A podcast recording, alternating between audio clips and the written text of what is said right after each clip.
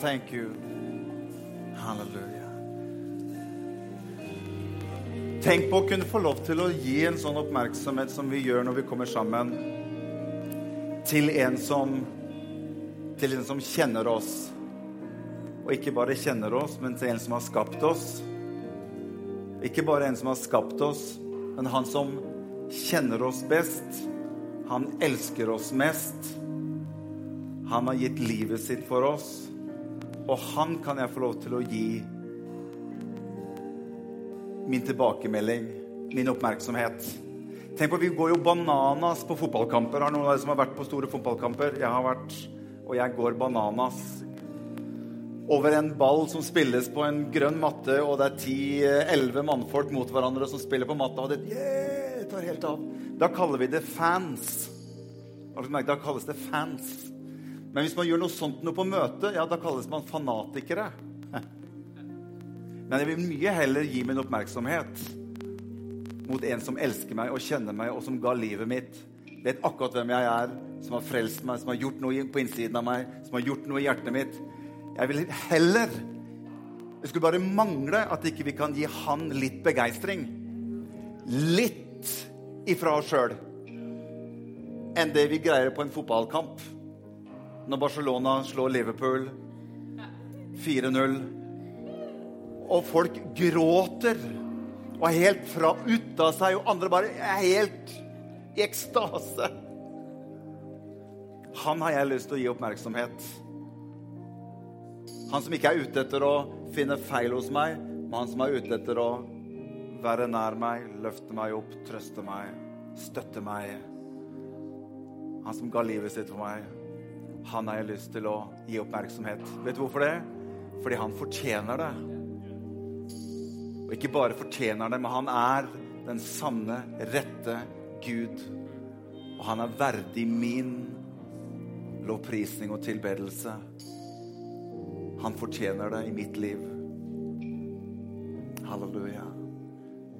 Worthy is your name, Jesus. You deserve the praise.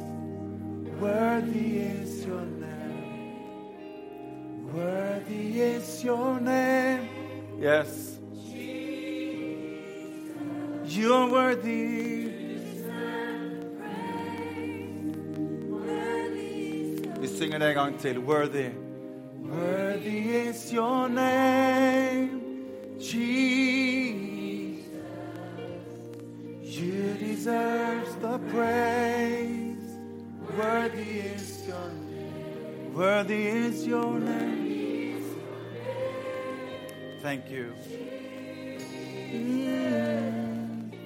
You deserve the praise. Worthy is your name. Amen and amen and amen. Dere kan få lov til å sitte ned, alle sammen. Godt å se dere. Fantastisk sang og musikk. Oi, oi, oi, oi, oi, oi. oi. Jeg får jo lyst til å bare være med og Det er derfor jeg drar noen sånne strofer når jeg kommer opp. Det er fordi at jeg egentlig har lyst til å være med i det teamet og det bandet.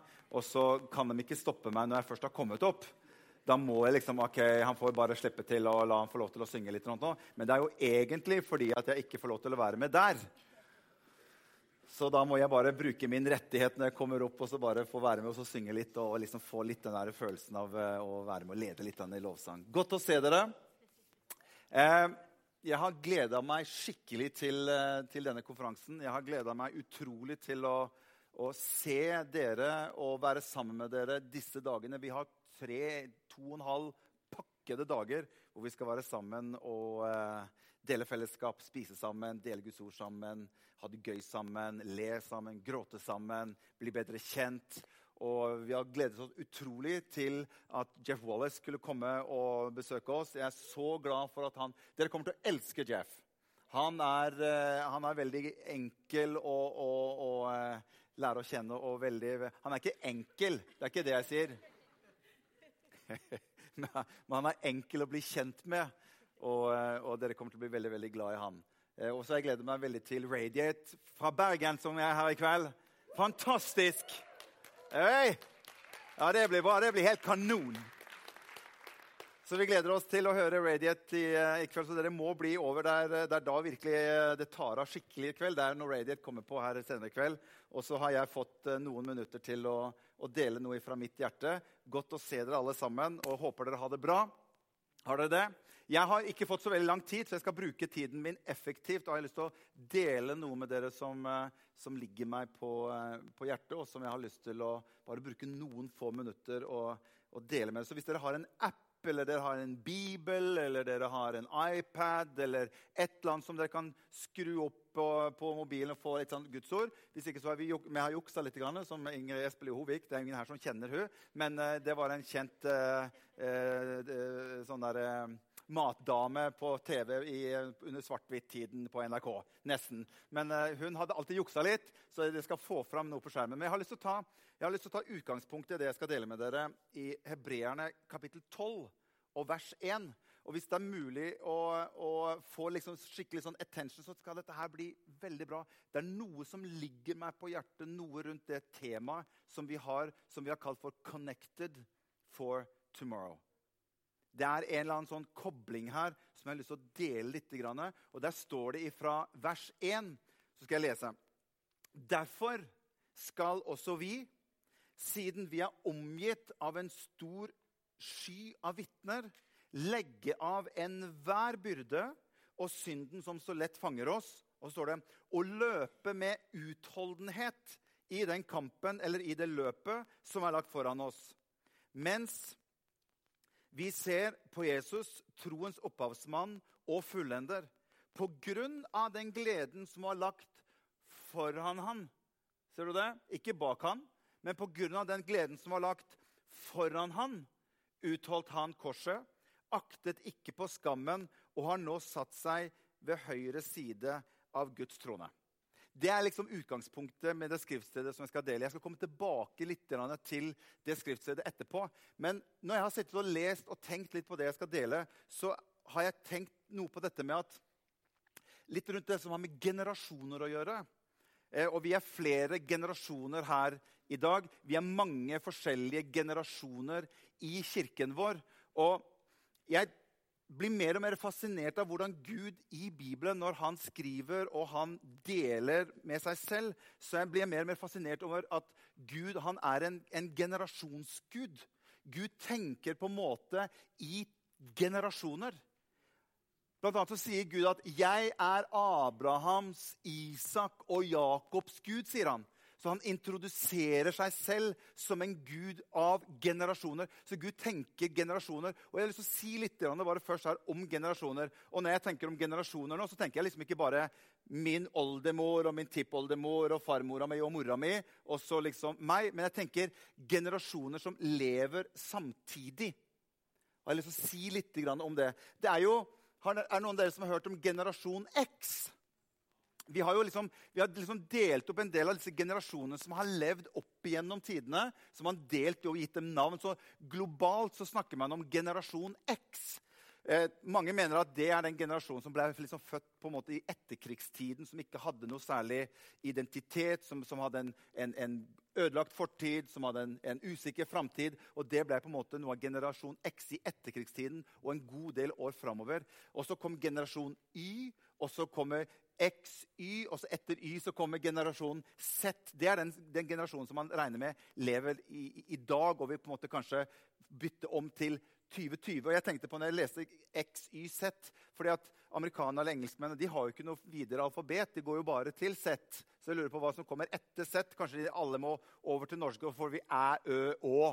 Så generasjon Æ for eksempel, er veldig kult. Ø eller generasjon Å. Da tror jeg Jesus kommer igjen tilbake et eller annet, eh, et eller annet i sluttfasen der. liksom. Generasjon Æ, Ø, Å. Men jeg leste litt om, for vi i Norge vi har noen egne navn på, på disse generasjonene. Vi har en generasjon som heter ironigenerasjon. Den er en generasjon jeg er en del av. Altså 1970-generasjonen som ble født derfra. Og er det noen her fra 1970 oppover? Yes. Vi kalles for ironigenerasjon. Vi skal ikke komme nærmere inn på det. Men, men det, det, det, kalles på en måte på norsk for ironigenerasjon. Den går liksom opp til liksom rundt 1980. Etter det så kommer millenniumsgenerasjonen. Det er fra 1981 til rundt ca. 1996. Der er den generasjonen. Så hvis du er født i det området der, så kalles du for millennium. Det var de på en måte som var ganske små når vi rundet liksom år 2000. Det er millenniumsgenerasjonen. Og så har man i dag begynt å snakke om en generasjon fra ca. 1995 og opp i 2000-årene som kalles for snøfnugenerasjonen. Du kan bare søke det på nettet. Snøfnugg på engelsk kaller det for snowflake generation. Jeg skal ikke komme inn og si på en måte hva, hva, de legger i, men hvis du noterer det, så går du inn og så kan du søke opp hva legger de i ordet snøfnugggenerasjonen. Det er veldig interessant å lese. Men det er på en måte de som hva skal si, er, er født den siste generasjonen, og kalles vi for snøfnugggenerasjon. Men tanken min er det at uansett så i Bibels perspektiv så tenker Gud og arbeider Gud ut ifra generasjoner. Gud er en generasjonsgud. Hvis du leser sammen med meg i Salme 100, vers 5, og Det er det som jeg synes er så fascinerende med Gud. Der står det at 'For Herren er god'. Hans godhet varer evig. Og står det 'Og fra slekt til slekt', står det, varer hans trofasthet. I Salme 33 og vers 11 så står det at Herrens råd står fast til evig tid. Hans hjerte hjertes planer gjelder fra slekt og til slekt. Så Gud han måte, han ønsker å jobbe nedover i generasjoner. Og jeg tenker at Når vi har en Gud som tenker i generasjoner, så tror jeg det er viktig for oss også å tenke generasjoner. Ikke bare den generasjonen og de nærmeste kameratene og venninnene du har, men kanskje tenke litt større enn det. Både kanskje de som kommer etter deg. For mange av dere skal jo kanskje gifte dere en gang. Og kanskje få noen barn, noen småttiser som går rundt, og som dere skal bytte bleier på. Og de skal være litt sånn uskikkelige, og litt sånt, og dere skal liksom få dette til å fungere på hjemmebane. Så dere vil jo også få en generasjon etter dere. Og dere er jo luta lei den generasjonen som var før dere, som mamma og pappa bare Ja, noe av det mest ja, Skal ikke komme inn på det i detalj, men, men, men vi, vi, vi lever på en måte i hele tiden i kontakt med forskjellige generasjoner. Og jeg tror at vi i kirkesammenheng vi må tenke generasjoner. Vi kan ikke bare tenke vår egen generasjon og tenke at så lenge vi har det bra, så går alt bra. Vi er nødt til å tenke generasjonsmessig. Og jeg har sagt så mange ganger jeg kommer til å si det igjen, og jeg kommer til å si det i kveld, at jeg som pastor i en kirke som dette, jeg har et ansvar for å sørge for at den neste generasjon tar videre det som vi har hatt i vår generasjon. Er dere med her? Er dere her? Jeg har ansvar innenfor Gud sammen med dere å sørge for at neste generasjon får tak i noe av det som vi har fått oppleve, og ta det videre til sin generasjon igjen. Det er det som ligger meg utrolig på hjertet. Og Det er derfor vi har kalt denne konferansen her for Connected for Tomorrow. Jeg trenger å kjenne på at jeg har en kontakt med de som har gått før meg. Og jeg trenger å kjenne på at jeg har kontakt med de som kommer etter meg, for å kunne være med å kunne overføre og kunne være med å inspirere de som kommer etterpå, slik at de kan få lov til å gå videre. Og ikke bare videre, men kunne nå enda lenger enn det vi greide i vår generasjon. Amen. Og det er det vi trenger i Guds rike. jeg tror at den onde ønsker hele tiden å splitte opp generasjonene og skape vonde kløfter og opprør imellom generasjonene. Noe som Gud ønsker å tenke sammenheng og la sin velsignelse hvile igjennom og flyte igjennom fra slekt til slekt eller fra generasjon til neste generasjon. Det er derfor Gud kommer til Abraham og så sier han, Abraham, nå skal ikke du lenger hete Abram. sier han til Abraham. For at Abraham, det gjelder bare deg. Men jeg har en annen plan. Jeg vil at du skal tenke annerledes. Så sier han, derfor skal du hete Abraham, sier han til Abraham. Fordi at igjennom deg og ut ifra deg så kommer det til å komme slekter. Og på den måten så kan jeg la min velsignelse få lov til å gå igjennom deg videre til neste generasjon og neste generasjon. For Gud tenker fra generasjon til generasjon til generasjon. Amen. Og det er det vi trenger i livet vårt. Se hva som står i Salme 78, vers 3. Fantastisk salme. Dette tenker jeg ikke i første omgang familiært, men jeg tenker det ut ifra en gudsrike-tanke. Se hva som står der. Der står det det som vi har hørt og kjent, og våre fedre har fortalt oss. Det vil ikke vi skjule for våre barn, men for den kommende slekt forkynner vi hans pris og hans styrke og de underfulle gjerninger som han har gjort. Så jeg har hørt noe fra de som har vært tidligere, og jeg har opplevd noe selv, og det ønsker jeg å fortelle videre til de som kommer etter meg. Da tenker jeg ikke bare familie, men jeg tenker den generasjon. Jeg tenker i kirkesammenheng. Jeg tenker at de som kommer etter oss, må vi fortelle, og vi må gi de noe som de kan ta med seg videre. Se hva som står da i vers 6. Slik skulle den kommende slekt så det virker som at hvis du gjør dette, så står det i vers 6, slik skulle den kommende slekt lære dem å kjenne, de barna som skulle bli født, for at de skulle stå opp og forkynne dem til sine barn igjen. På den måten skulle de sette sin lit til Gud og ikke glemme hans gjerninger, men holde hans bud. Amen. Skjønner, Dette her er noe mer enn hva som har med stil å gjøre eller uttrykk å gjøre. For Noen ganger så kan vi tenke sånn ja, men, men jeg liker ikke helt den stilen som de unge har. Det blir litt voldsomt. Jeg tar det, for det er jo ikke her på Østlandet, det er med på et annet sted på, på kloden hvor de har dette problemet. Men vi liker det ikke. Det er voldsomme greier, dette her. Hør, dette handler ikke om stil. Men dette handler om å forvalte noe som vi har fått tak på. Som vi må få overført til neste generasjon. Slik at de kan ta det med seg. Og Derfor så tror jeg at Gud har en ønske og en plan. Og det ligger en velsignelse over i det å være seg bevisst at vi ønsker å få videre noe som vi har opplevd i våre egne liv. Henger du med? Amen. Jeg har lyst til å dele en, en liten eksempel med deg fra første kongebok en gammel profet som het Elisha. Han var døende. Og I den tiden så var det en konge som het Joash, en ung konge, som kommer inn til den gamle profeten som var døende. Og Joash han sto i problem, for han var i krig, og han visste ikke hva han skulle gjøre. for noe. Og Her kommer denne unge kongen inn til denne gamle profeten Elisha. Og Han gråter foran Elisha og sier, 'Hva skal vi gjøre for noe?' 'Har du noe råd å gi?' Han søkte noe av, av, av, den gamle profetens erfaring. Så kommer han inn, og så sier Elisha, 'Hent en bue og en pil.' Noen piler, sier han. Og det gjorde Joash. Han hentet, no, hentet en bue og så hentet noen piler. Og så sier, så sier profeten, 'Ta og Spenn opp buen din', sa han. Og så tar Joash og så spenner han opp. Du skjønner, Elisha hadde ikke kraft til å spenne den buen selv. Han trengte hjelp av denne unge gutten som hadde kraft fortsatt i livet sitt. Og han spenner opp buen sin, og de åpner opp vinduet mot øst, sa Elisha. Og så står det noe bra nå. så står det, Da gikk Elisha opp bak Joash og la sine hender på Joash, står det.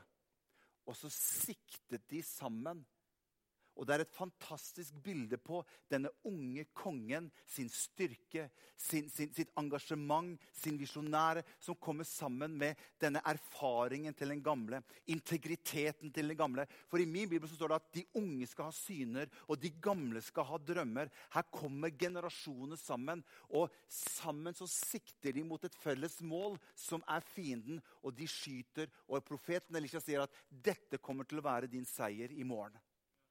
De connectet sammen for å se et resultat som de begge ønsket for morgendagen. Det den onde ønsker å splitte opp og ødelegge, det ønsker Gud å velsigne og jobbe igjennom. Og Det er noe av dette som ligger meg på hjertet for den konferansen. Det er derfor jeg har kalt det, for Connected for Tomorrow. Jeg ønsker at de unge i kirkene rundt omkring skal få lov til å kjenne på at vi er de som skal ta dette videre. Og så brenner det litt i mitt hjerte. Hva har vi å gi videre? Og Jeg ønsker ikke at det bare skal være kunnskap, men jeg ønsker at det skal være ting, sannheter i Guds ord. At den unge generasjon som kommer, lærer seg Guds ord. Lærer seg å vite hva som står i denne boken. her. Men det skal ikke bare være står i boken på kunnskapens grunn, men det skal være en virkelighet i livet. At dette blir mat for meg. Dette gjør meg sterk som en troende. Og hør, ikke bare det, men jeg har gjort noen erfaringer med Gud. Og det er det som er så viktig for oss som er litt oppi årene. Nå er jeg snart 50 år. 50! Jeff ler. Han er 45. Han er, Don't laugh. Vi begynner å bli eldre, og jeg har, jeg, jeg har, en, jeg har en, bønn i mitt hjerte, Herre. Må, jeg må, ha noe i livet mitt som jeg kan få lov til å være med å gi til en neste generasjon. Som ikke bare blir kunnskap, men som har noe med erfaring med Gud å gjøre. Som at de unge kan sette seg ned, vi kan prate sammen, og så kan man dele sånn som det står, man deler av erfaringer man har gjort seg med Gud opp igjennom. Og De unge sitter og hører og, og, og, og, lærer, og de kan få lov til å få dette inn i livene sine. Og så kan de få lov til å gå videre fulle av erfaring til neste generasjon. Det er 'connected for tomorrow'. Så Jeg bare har lyst til å gå tilbake før jeg er ferdig, så jeg bare har lyst til å gå tilbake til den teksten som vi begynte med. Hebreerne 12,1. For du skjønner, det står I begynnelsen står det 'Derfor skal også vi'. står det. Og Når det står 'derfor' i Bibelen, så er det alltid greit å lese litt før. Hvorfor ender dette opp med et 'derfor'? Hva er det egentlig Hebrebrevets forfatter ønsker å si når han skriver 'derfor skal vi'? Jo, han prøver å peke på det som står i kapittel 11, det kapittelet som er før her. Som er et kapittel som forteller om veldig mange som har vært i dette løpet før disse som kom inn her. Og Da nevner han massevis av kjente som du og jeg kjenner, hvordan de hadde vært med og levd sine liv og opplevd både seire og motganger og nederlag. Men de sto i det løpet de var kalt til, og de seiret med Gud i mange forskjellige situasjoner. Og Det leder opp til dette kapitlet, og derfor sier han derfor skal vi som lever i dag Vi skal ikke bare tenke på at det bare gjelder meg, men når du og jeg tar imot Jesus, så er vi del av noe mer mer enn at det er bare jeg som løper aleine for meg sjøl. Jeg er del av noe større. Jeg er del av en historie som går tilbake lang tid. Derfor så står det derfor skal også vi, siden vi er omgitt av en stor sky av vitner Hva er denne skyen av vitner? Hvem er det? Jo, det er de som har gått foran oss. De som ikke lever lenger i dag, men som har levd og som har stått i troen sin, som har kjempet sin kamp for at du og jeg skulle få lov til å oppleve det du og jeg kan få lov til å oppleve i dag. Det er det løpet vi kobles inn på når vi tar imot Jesus. Derfor er det så viktig at vi ikke bare tenker meg, mitt, det som gagner meg. Du er mer av noe større enn bare deg selv. Kan du si det til siden, og så åpner du er en del av noe større? Sier det til deg. Du er en del av noe større. Du er en del av noe større.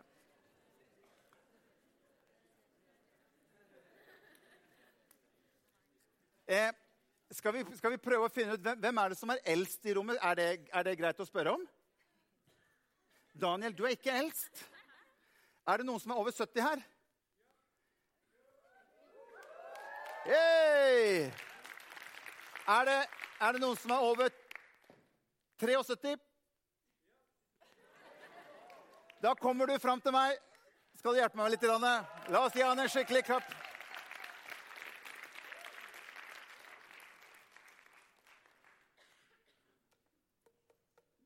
Er det noen av dere som har sett stafett på TV? Fire ganger 100 meter? Nei. Men kanskje Northug i eh, stafett på ski? Det vet vi hva er for noe. Og det er, noe, det er, noe, av den tanken som jeg bare vil se ut ifra det skriftstedet som vi ser her. For Du og jeg, vi er del av et løp som ikke startet med deg. Og som ikke startet med meg, men som har startet lang, lang, lang tid tilbake. Så når du og jeg tar imot Jesus, så blir vi en del av det løpet som kommer til å gå helt fram til Jesus kommer tilbake. Og det setter ting litt i perspektiv. For hvis jeg er del av et løp Og nå har jeg lyst til å bare illustrere det med deg. Tusen hjertelig takk. Hyggelig å se deg, broder. du, du, er jo litt sånn sporty kar. sånn at Hvis du tenker på at du er den runden som er før meg, så har du den her i din hånd. Også i enhver stafett så er det en vekslingpunkt. Det er at når han kommer til sin slutt, så ønsker han å gi den stafettpinnen over til meg for at jeg skal løpe videre. Det, det er ikke sånn at jeg bare ja, Nei eh, Jeg er en del av Vi har en liten avtale om at når du kommer hit, så kan jeg ta den videre herfra. For da har du gjort din del av jobben. Du er på en måte begynner å komme mot slutten, og så kan jeg ta over. Og det er det som er tanken. Hva er det jeg tar over? Det er det han prøver å, å, å, å si litt om i teksten her. For når han kommer hit, så er det hele temaet for konferansen her 'Connected for tomorrow'.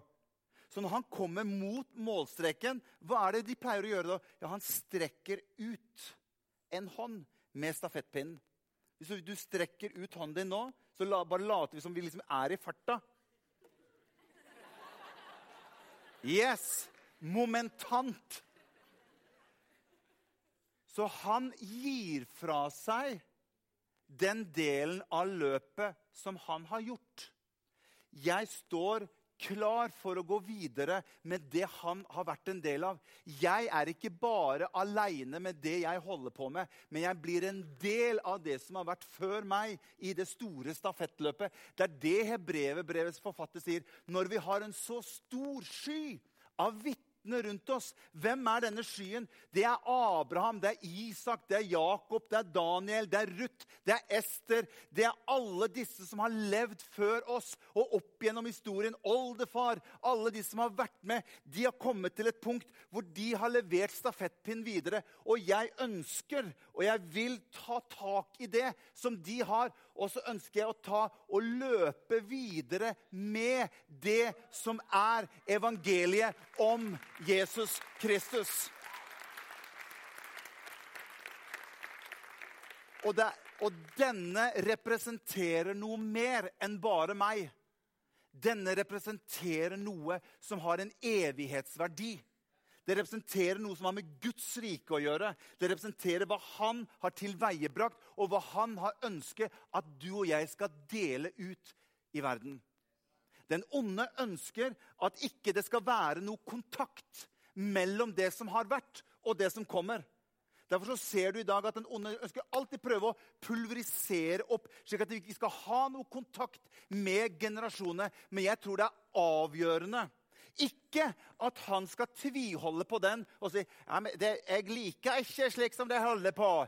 Det må, det må forandre på dette her, ellers vil jeg ikke gi fra meg Nei, nei, nei, nei, nei. Det handler ikke om det. Det handler om at vi, evangeliet og Guds ord, er akkurat akkurat det samme, og det kompromisser vi ikke på. Men vi ønsker å ta det videre til neste generasjon, så så mange som mulig kan få lov til å oppleve og få tak på Jesus før han kommer igjen. Det er det vi ønsker. Amen. Skal vi gi broderen en skikkelig applaus? Tusen takk skal du ha.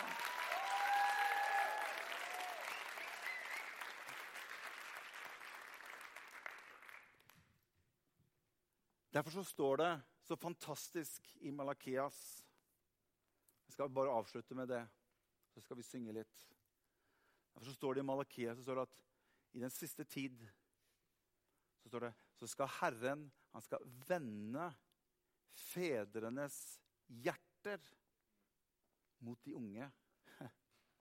Og de unges hjerter til fedrene. Det er det som skjer i overføringen. Det, stå, det starter med fedrene. Hørte dere det, fedre? Vi som er litt eldre. Det står, han skal vende fedrenes hjerte mot barna. Det må begynne med de som har vært foran. Det må begynne med at vi slipper til den neste generasjon og å, la de få lov til å vokse opp, få troen på seg selv, få erfaringer med Gud, bli grunnfestet i Guds, i Guds ord, slik at de kan ta dette videre. Han skal vende han skal vende fedrenes hjerter mot barna. Og så står det og barnas hjerter mot fedrene. Connected for tomorrow. La oss reise oss opp, alle sammen.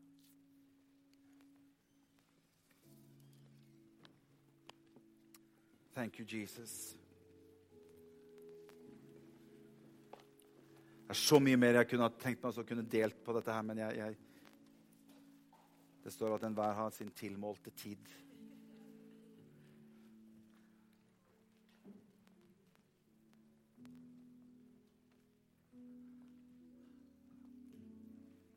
Thank you, Jesus.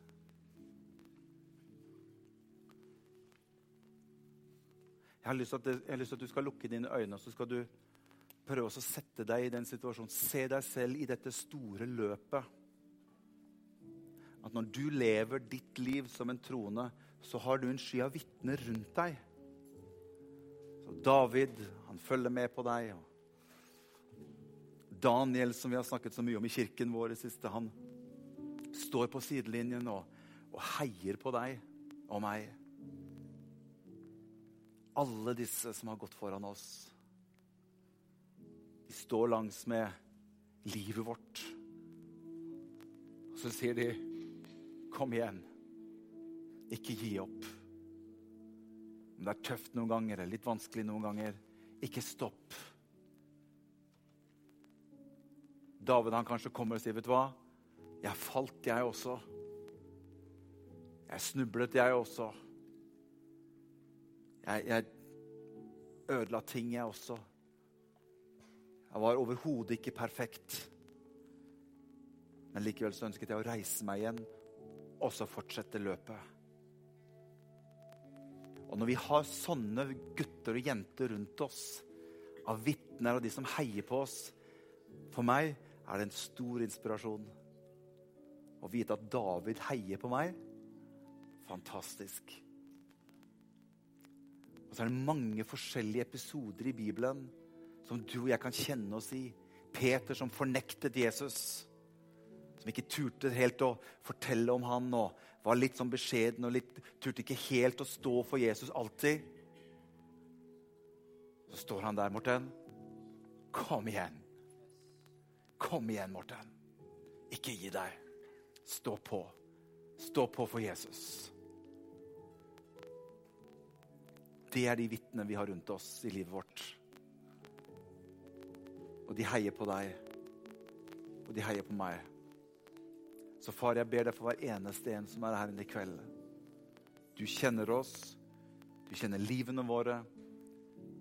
Du har et kall for hver eneste en. Bare ber deg om at du skal gi oss denne oppmuntringen og denne styrken på innsiden, Herre. At vi kan få lov til å være med og delta i dette løpet sammen med deg, Herre. Selv om vi ikke er perfekt, selv om vi snubler noen ganger. Om vi faller, så reiser vi oss igjen, og så fortsetter vi å løpe mot det målet. Kan vi ikke bare få, få opp det siste skrift, ikke det siste skrift, men nest siste skriftstedet? Kan vi det? Derfor skal også vi siden vi er omgitt av en så stor sky av vitner, legge av enhver byrde og synd som så lett fanger oss, og løpe med utholdenhet, står det. Visste du at utholdenhet er faktisk en del av det som er i tjenesten vår? I det løpet som er lagt foran oss. Mens vi ser på Jesus, troens opphavsmann og fullender. På grunn av den glede som vi har fått i våre liv, som har lagt foran han, utholdt han korset, aktet ikke på skammen, og han har nå satt seg ved høyre side av Guds trone. Det er utgangspunktet for tjenesten vår. Og alt folket sa amen. Vi synger litt sammen.